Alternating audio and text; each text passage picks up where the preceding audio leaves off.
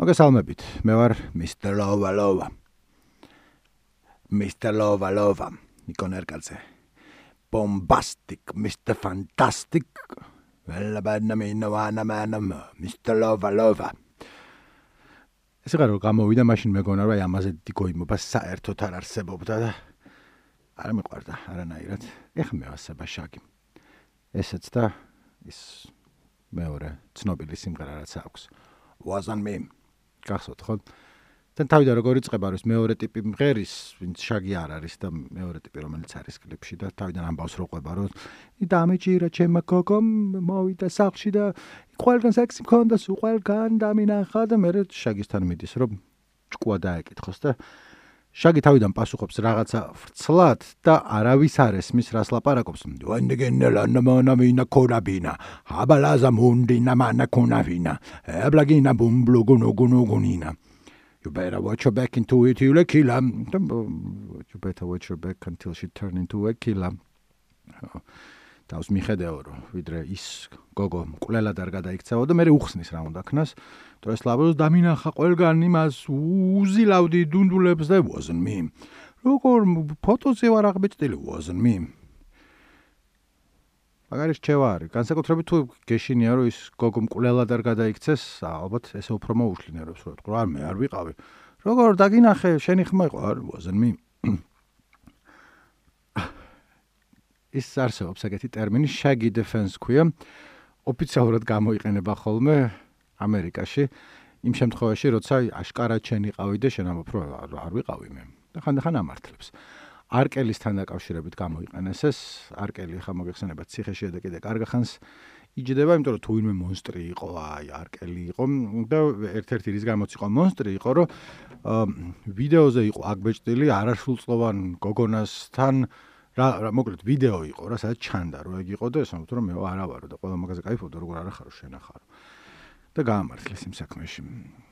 იმიტომ გაამართლეს რომ მე მათ საჩივარი უკან წაიღეს და მოკლედ რა ყველა მიცოდა რომ ქნა მარა შერჩა რაღაც ხნის განმავლობაში და ეხლა ციხეშია.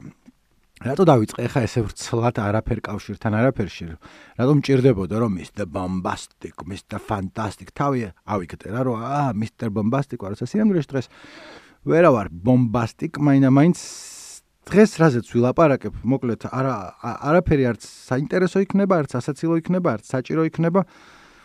ერთგვარი რა ქვია შემოქმედებით კრიზისი მაქვს თუ რაც რაღაც ვერ ვერ ჩავწერე რა ორი კვირა ვერაფერი. და ჯაი წინაზე ბეთფორდ ფოლსის რევიუ მქონდა. განახი განსაკუთრებულად ცუდიან რაღაცა გამოვიდა. კი არ მომისმენია მაგრამ ნუ რა ვიცი როგორც ფიქრობ მაგრამ. ალბათ მგონია რომ უკეთესით შეიძლებოდა ვერ ვიყავ ისეთ ისეთ ფორმაში როგორიც საჭიროა. და არც ახლა არა ვარ და მე ვიფიქრე რომ აი რაღაც ნახევრად აი სერიების იდეები მაქვს ჩამოყრილი მაქვს ცალკე და ზოგან ლინკები მაქვს ზოგან რაღაცა ტექსტის ნაწილები და რო დაუჯექი და დავიწყე ლაპარაკი არ არ არ შვებოდი გულით. და ამიტომ მე ვიფიქრე რომ არაფერს არ ვიზამ რა ვიცი. უბრალოდ მოგიყვებით რეები გავაკეთე გასული ორი კვირის განმავლობაში ოღონდ არც რამე საინტერესო არის არც რამე საჭირო არის და თავიდანვე რატო ვიწყებ ამ ბოდიშებით? კი არა იმით რომ ეხლა ვერაფერს ვერ შემოგთავ სტუმრად რომ მიდიხარ სადღაცა და მოგატყუეთ არაფერი არ მოგვიმზადებია. და მე მაგარი საჭმელები რო გთხოვ არა ამ შემთხვევაში არ არის მაგარი საჭმელები მაგრამ თავიდანვე რო არ შუაში რო არ თქვა რომ ე მან დააბრუნე ფული ბომბასტიკ ვერ ახარ ბომბასტიკ მაინა არ იყო ეს მის და ფანტასტიკ არ იყო არ იყო. მაგრამ ამ როცა თქვა არ ახარ ტოპ ფორმაში ადამიანი ორი გზა არსებობს. ხან ხან ერთს ვაკეთებ ხოლმე, ხან მეორეს, რომ ერთი არის რომ მოიცადო და რაღაც დროს მოგიბრუნდება ფორმა. და მეორე არის რომ რაღაცა ორი კვირა რომ ჩუმად ახარ, მე კიდე უფრო გიჭირს ხოლმე რომ უჩუმრად იყო და ამიტომ ხან და ხან პროსტა ჯობია რომ დაждე პოდკასტია ის ხო არ არის რაღაც სამეცნიერო კასტი. უბრალოდ რაღაცეები ლაპარაკო. ასე რომ ხო ოსტა მოგიყვებით რამეებს. დავიწყებ იქიდან, რომ გუშინ წინ ძალიან მე Spotify-სგან მივიღე იმეილი. პოდკასტის ხოდებს Spotify-ზე და მითხრეს, რომ შენიო რამდენიმე სერია ამოვიღეთო, იმიტომ რომ საავტორო უფლებები იყო დარღვეულიო და მანამდე რომ მოგწერე თუ არ მიპასუხეო.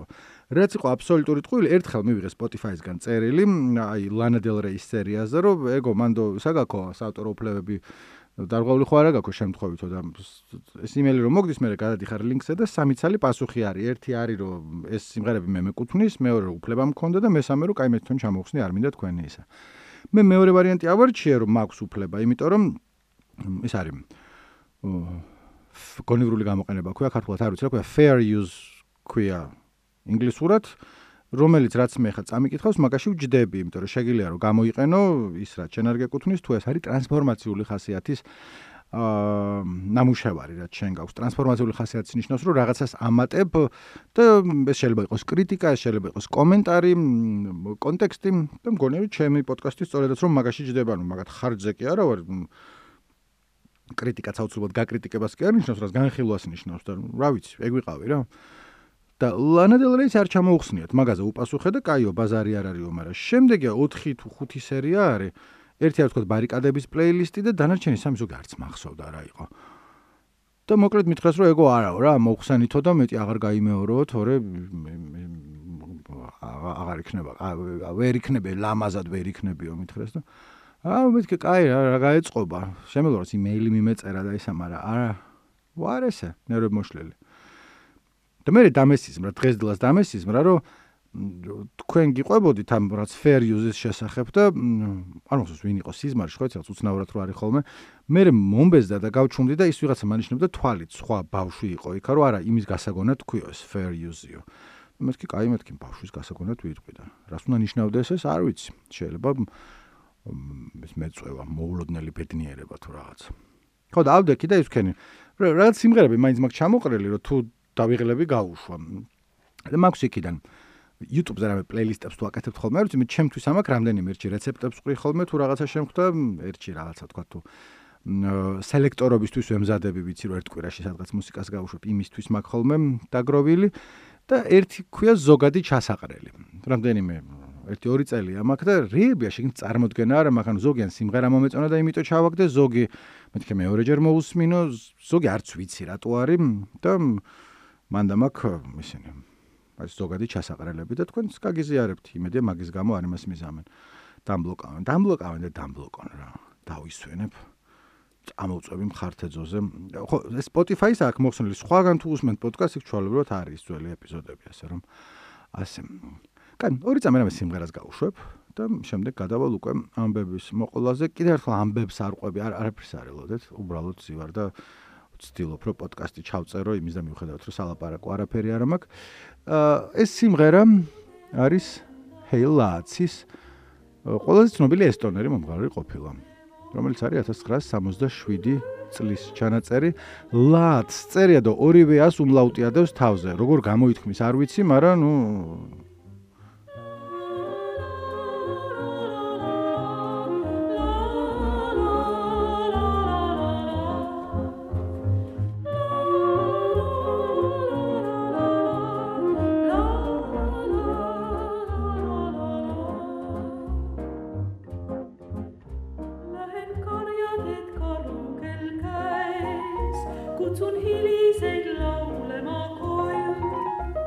საყვარლობა მე მივხვდი რატომაც ჩავაგდენ არ მოხდა რა მომენტში ან რაღაცა მაგრამ მეთქე გამოიყენებ რამე დროს. ორი რორო მოსეთ რა სკრინოს რო დაისხამ და სტუმრები რო ყავს და ამას რო ჩაურთავ და მე რა ყველა რო იტყვის რომ რა საჭირო იყო რამე რამე სხვა ჩარტი არა.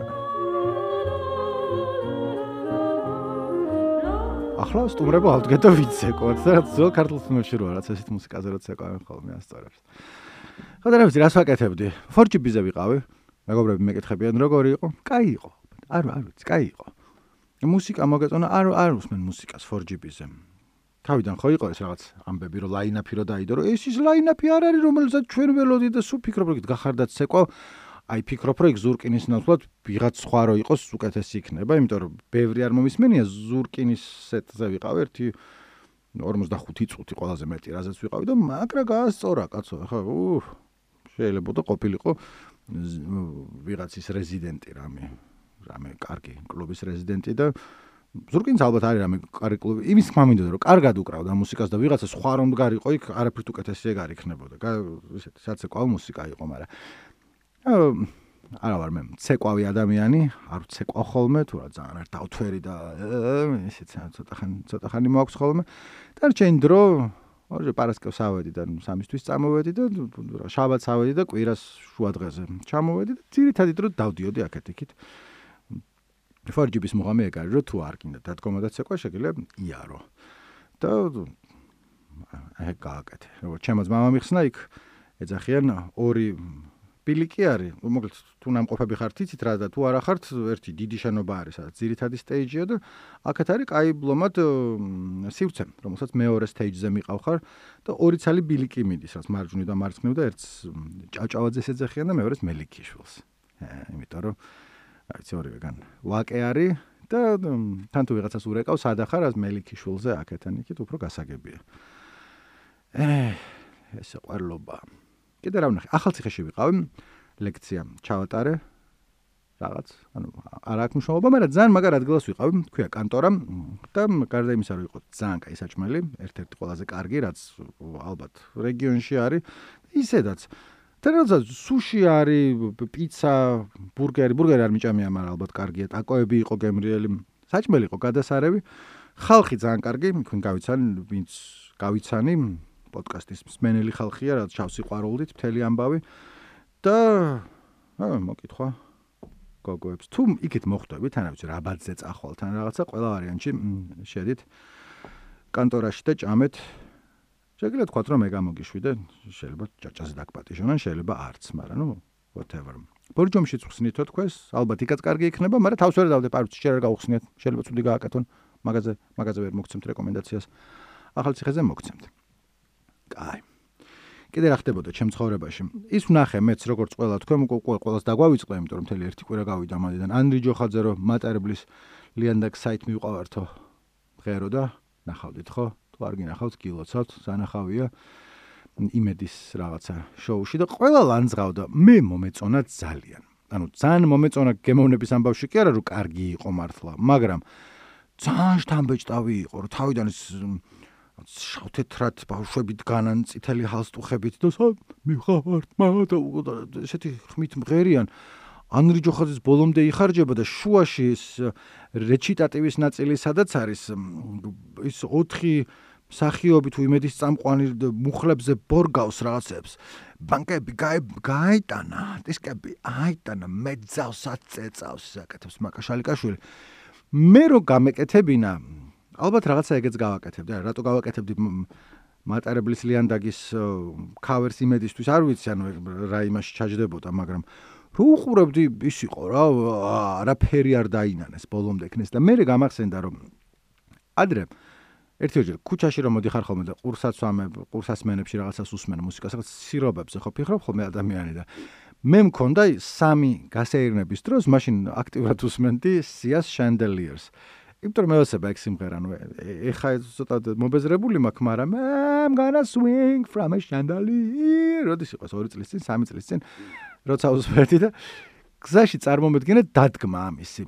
რა დიდ ოდაი ფილარმონიაში თუ რაღაცა ეგეთ გოიმურ სეტინგში რომელიც ჩემი რაც წარმომედგინა როგორ გავაკეთებდი ძალიანაც არ განსხვავდებოდა სანდრი ჯოხაძე როგორც ფღერის ემისგან იმიტომ რომ უცებ ტარაბილაბი ბაბა ფუნაით. ნანანანანანა თუნაით. ეგ ნაწილი რო იწება ეგ იყო რომ მანამდე ვიღაცები მღერიან და უცებ აქედან არ ვიცი ნინი ბატურაშვილი ანუ ვიღაცა მომღერალი უცებ სცენაზე ხდება რომ რაღაც ამ gonna swing და ამ დროს. სხვები ჩემოდიან სხვა მომღერლებიც აი მაყურებელი სადაც ის ხოლმე უცებ გვერდზე შემოსასვლელს ის გაანათებს. აა რო ანათებს ხოლმე რა ქვია პროჟექტორი. და შემოდის თქვა ნინი ბადურაშვილი და ღერის და მე სხვები და მე ყველა ერთ სცენაზე ამას აკეთებს და რაც მე წარმომადგინა როგორც კარგი ისე კი არ წარმომადგინა მეთქი არა საკაიფო იქნებოდა ეს მარიშ მაგარი გოიმობა იყო რა სისულელია ოკეი. ეგეც ეგეც თქვი ეგეც გავიარეთ. ის ნახე better call saul რომელიც აი ეხა ვნახე, რა ვიცი, ერთი თვის რა ორი კვირის განმავლობაში ვნახე, 6-ვე სეზონი. რატო აქამდე არ ვნახე? არ ვიცი, იმიტომ რომ ერთხელ აი გეტყვით რატო არ ვნახე და ეხა მოდი ორ ორ მხარეს დაგალაპარაკებ. პირველ ვისაც არ გინახავთ, ნუ გირჩევთ თუ არა. თუ Breaking Bad-ი ნანახი გაქვთ, თუ Breaking Bad-ზე ნანაცქერი ხართ, კარგი ქართული თრო ვილაპარაკოთ.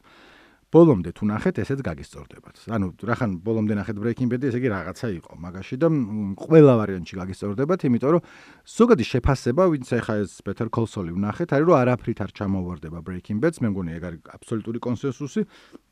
ნაწილი ფიქრობს, რომ შეიძლება ჯობდეს კიდევაც და აი მეც სადღაცა მანდავარ რა რომ ფიქრობ რომ შეიძლება ჯობდეს კიდევაც ანუ ვიღაც თუ მეტყვის რომ არ არის სამო ბრეიქინგ ბედი სულ სხვა არის ვიტყვი ხო ბაზარი არ არის ანუ შენი მესმის მაგრამ ესეც ესეც უარესი ნამდვილად არ არის რა. ასე რომ თუ ბრეიქინგ ბედი დაიწყეთ რაღაც ხანი უყურე და არ მოგეწონა მაშინ ბაზარი არ არის ესეც არ ნახო. თუ ბრეიქინგ ბედი არ გინახავს და ფიქრობ რომ აი ეს better call saul-ი ხო თუ არ დავიწყო თუ გეზარება რომ ნაჯერ ბრეიქინგ ბედი უნდა ნახო და მე better call saul-ი და ბარე მარტო ეს ხარ ნახო არა ალბათ breaking bad ნანახი უნდა კონდეს რომ ეს რაღაცნაირად საკაიფო დაამოღამ შეიძლება არ კონდეს და მაინც იკაიფო იმიტომ რომ better call saul-ის მუღამი არის რომ ეხა ის ხარ უნდა ამეხსნა რომ breaking bad-ი სერიალია და better call saul-ი მაგისი პრიკველი ანუ მაგას არ აუხსნი უბრალოდ. თუ არიცით თქვენი პრობლემაა ელემენტარული პოპ კულტურაზე გარშემო რა ხდება უნდა იცოდეთ. მაგრამ anyway მოbrunდები ისევ აქ. ნეტო გაგირჩიეთ საქმეები პროსტა რა.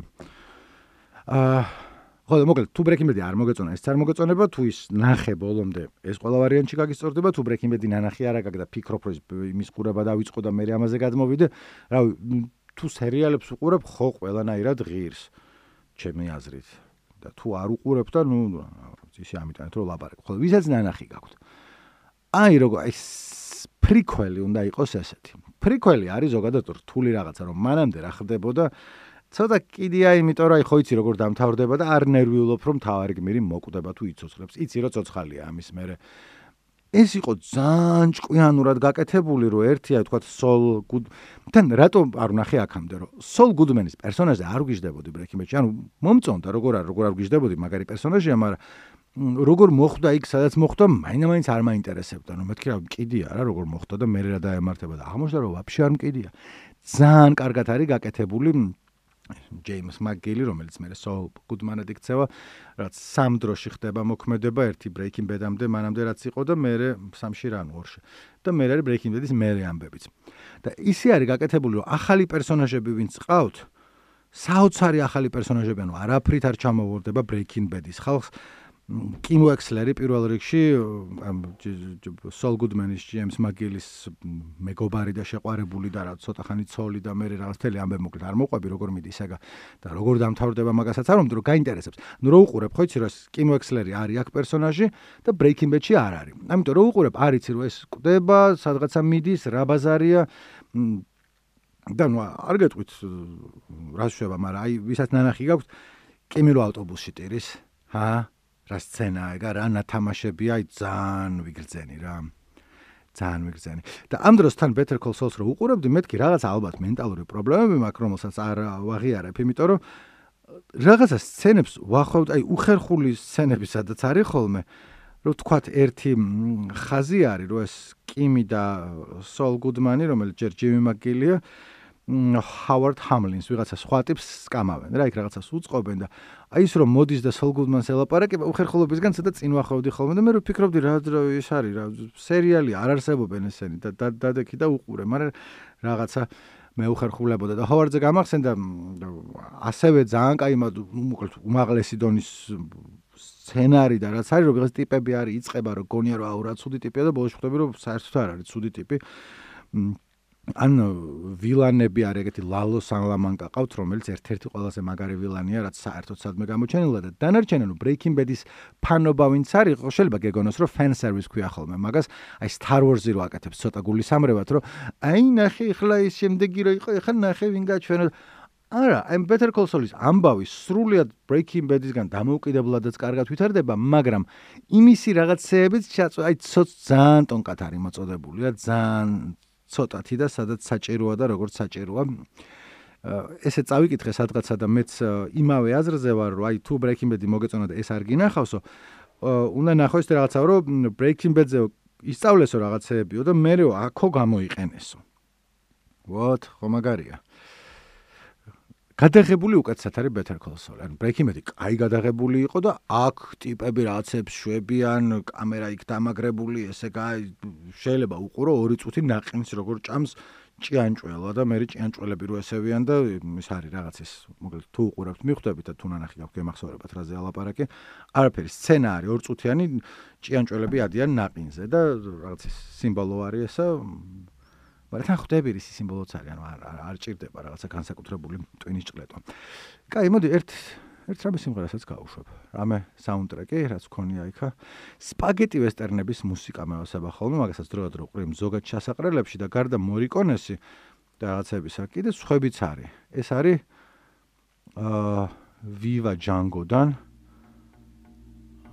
il carico d'oro preparati di bara Django მოამზადე კუბო, ესე ქვია.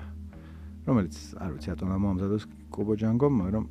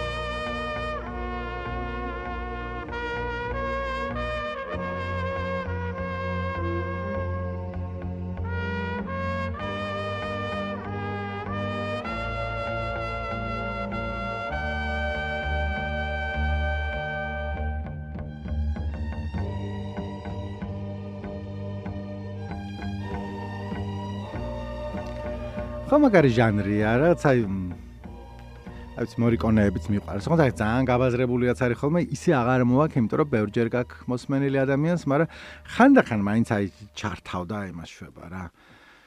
კარგად კარგად შვება. ვისი არის ეგეც არ ვიცი თუ რას დაგაინტერესებთ viva django spaghetti westerns რო ჩაწერთ 2000 ნახვა აქ ამ ვიდეოს და იმედია მაგის გამო არ დამბლოკავს Spotify. მაგრამ შენ შენ გამოიყენე Universal Music Group-ის მუსიკა გამოვიყენე, ხო? მქონდა უფლება fair use bitches, მაგრამ არა აღშფოთებული ვარ დღემდე.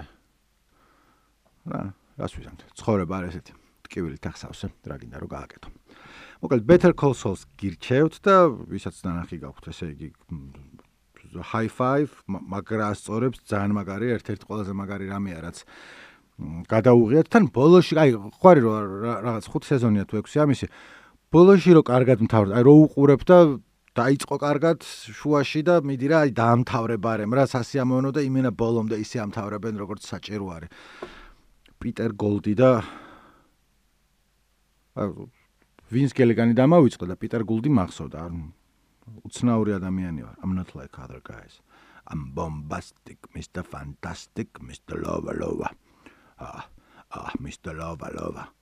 Ah, Mr. Fantastic, Mr. Bombastic. კიდე რას ვაკეთებდი? აა შეიძლება ნახსენები, მაგ არა, პოდკასტებს ხავს მე ხოლმე სხვებისას. ჩემსაც, ჩემც მომისმენია რამდენჯერმე.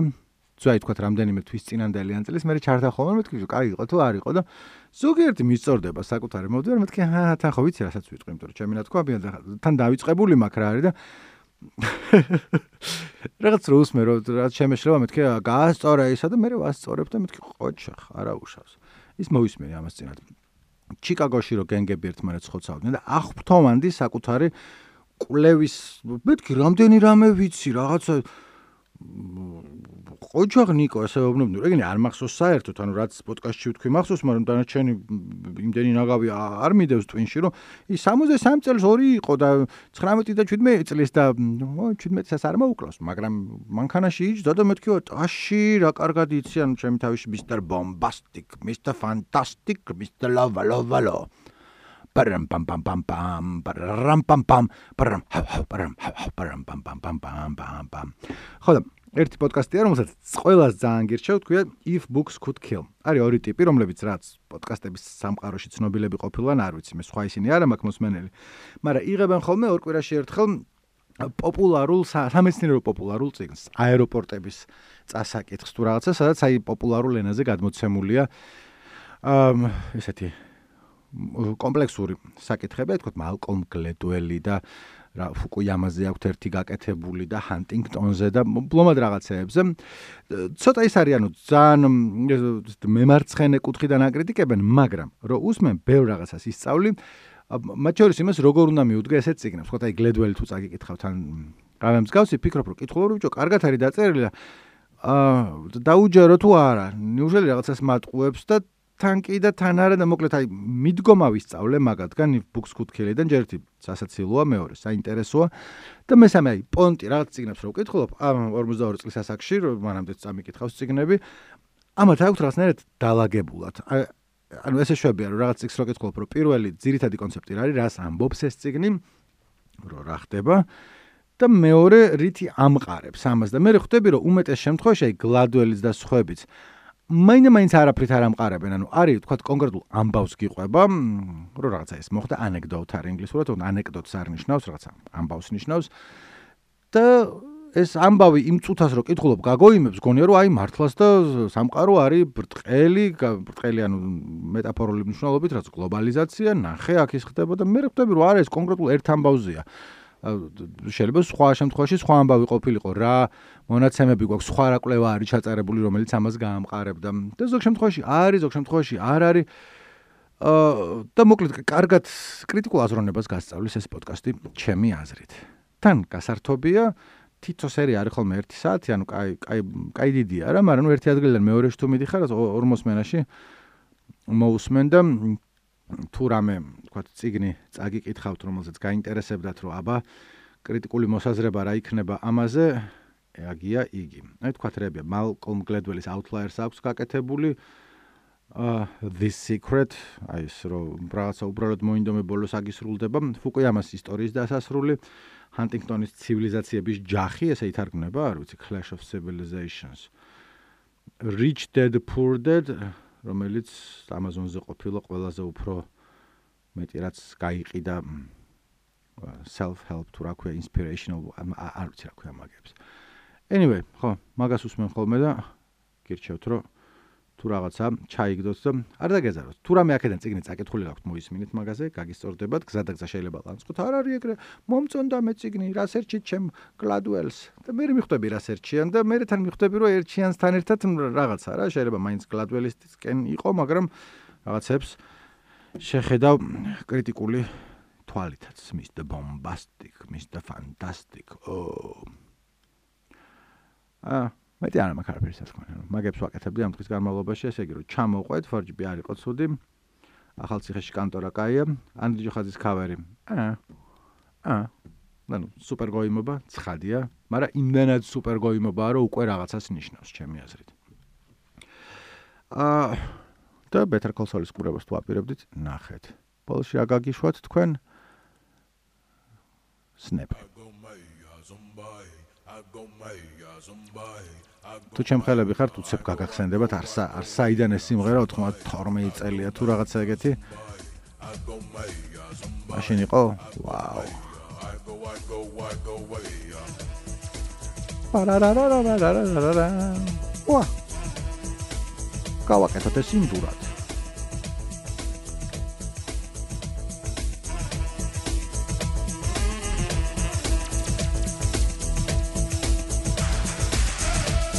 ვცდილობ რომ ნახევარ საათამდე მივიყვანო, თორე ხა 28 წუთს ნახევარია.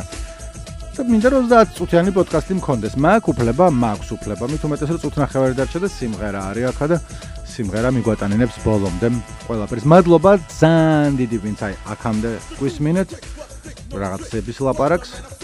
I love you. Beat to the brain like a bullet from a sniper. Win loser, smooth like the cruiser. Beat the beat down. I'm the beat cruiser. On to off to off, on and on. This is the new, new breed of rap song to the G.O.D. Yes, the top I rock the spot hot. To be or not to be, yes it be. MC Turbo beat smooth to the groove. Yes, it's party. Peace of mind. Time to unwind. Trip and dip, slip the hip, knock dip to the techno house of hip. Ah, რო არ დამავიწყდეს რამე ტრანსფორმაციული ელემენტი რო კონდეს, აი კრიტიკა რომ მოვაყოლო ამ ტრეკს, ტრეკს რა სიმღერას? საცეკვაოა, მე მიყვარს ეს მეცეკვა მასტერ რომ რაღაც ის ჩანასახი ჰიპ-ჰოპის, ანუ რაღაც რეჩიტატივი აქვს, მაგრამ ნედ რეპია არ ვიცი. გერმანულია.